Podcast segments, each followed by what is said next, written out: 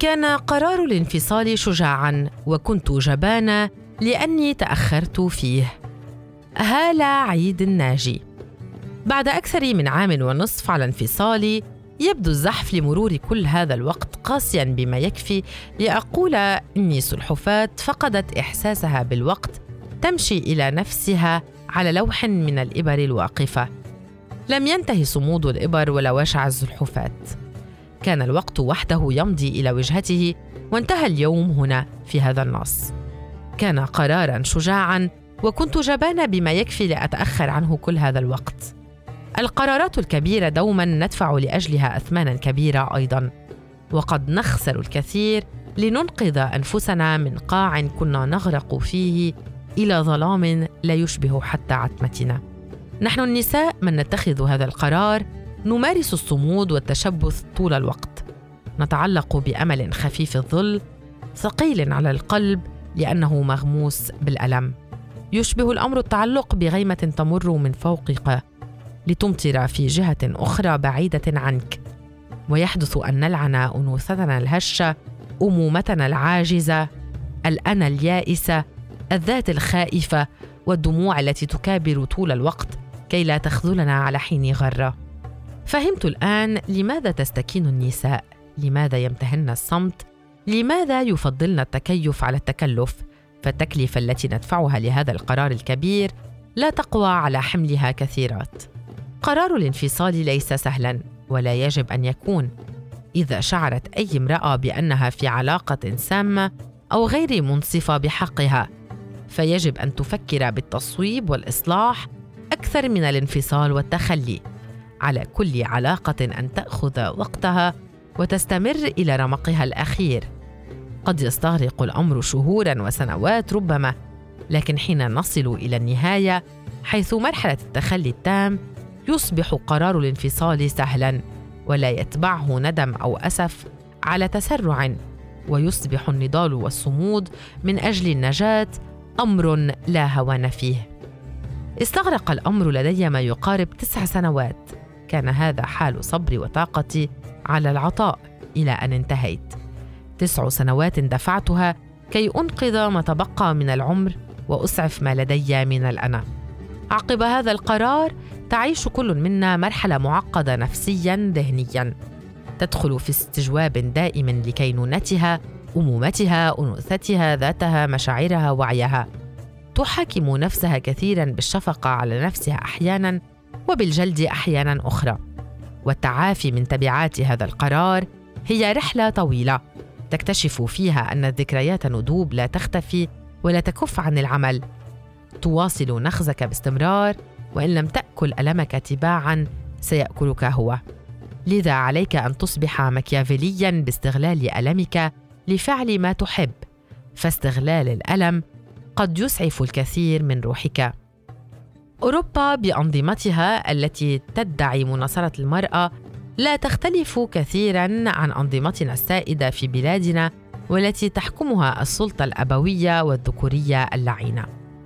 الفرق الوحيد يتجلى في ثقافة المجتمع الذي لا يعنيه بالمطلق من تكون وما هي حالتك الاجتماعية.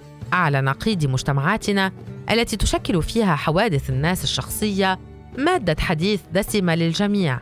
بل وتنطلق بعدها الأحكام عليك من هذه المنطلقات. في هذه المواقف غالبا ما ينفض الجميع من حولك.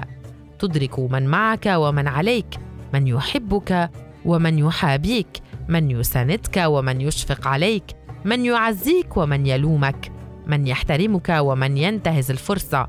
لتكتشف أن عالمك الذي تعرف لا يشبه هذا العالم الوحشي خلف شباك سكينتك. بعيدا عن التفاصيل الخاصة وبالرغم من قسوة التجربة وهذا القرار الكبير القوي تظل تجربة الزواج تجربة حياة كاملة مليئة بالدروس.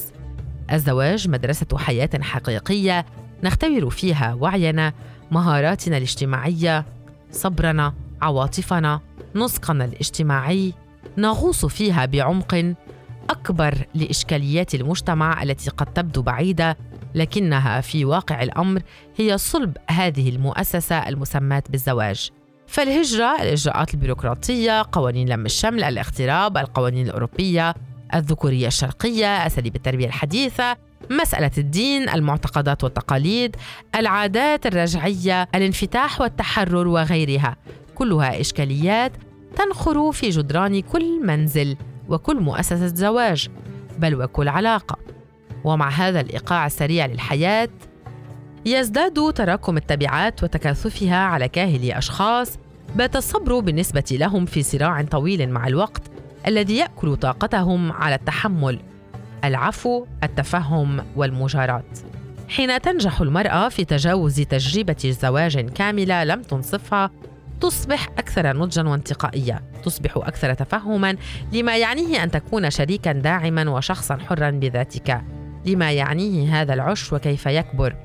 كيف نستر عيوبه معا؟ وكيف نرمم ما تآكل منه سويا؟ كيف يكبر الإثنان وتخلق العائلة؟ كيف تبدو الأبوة والأمومة والذات بينهما؟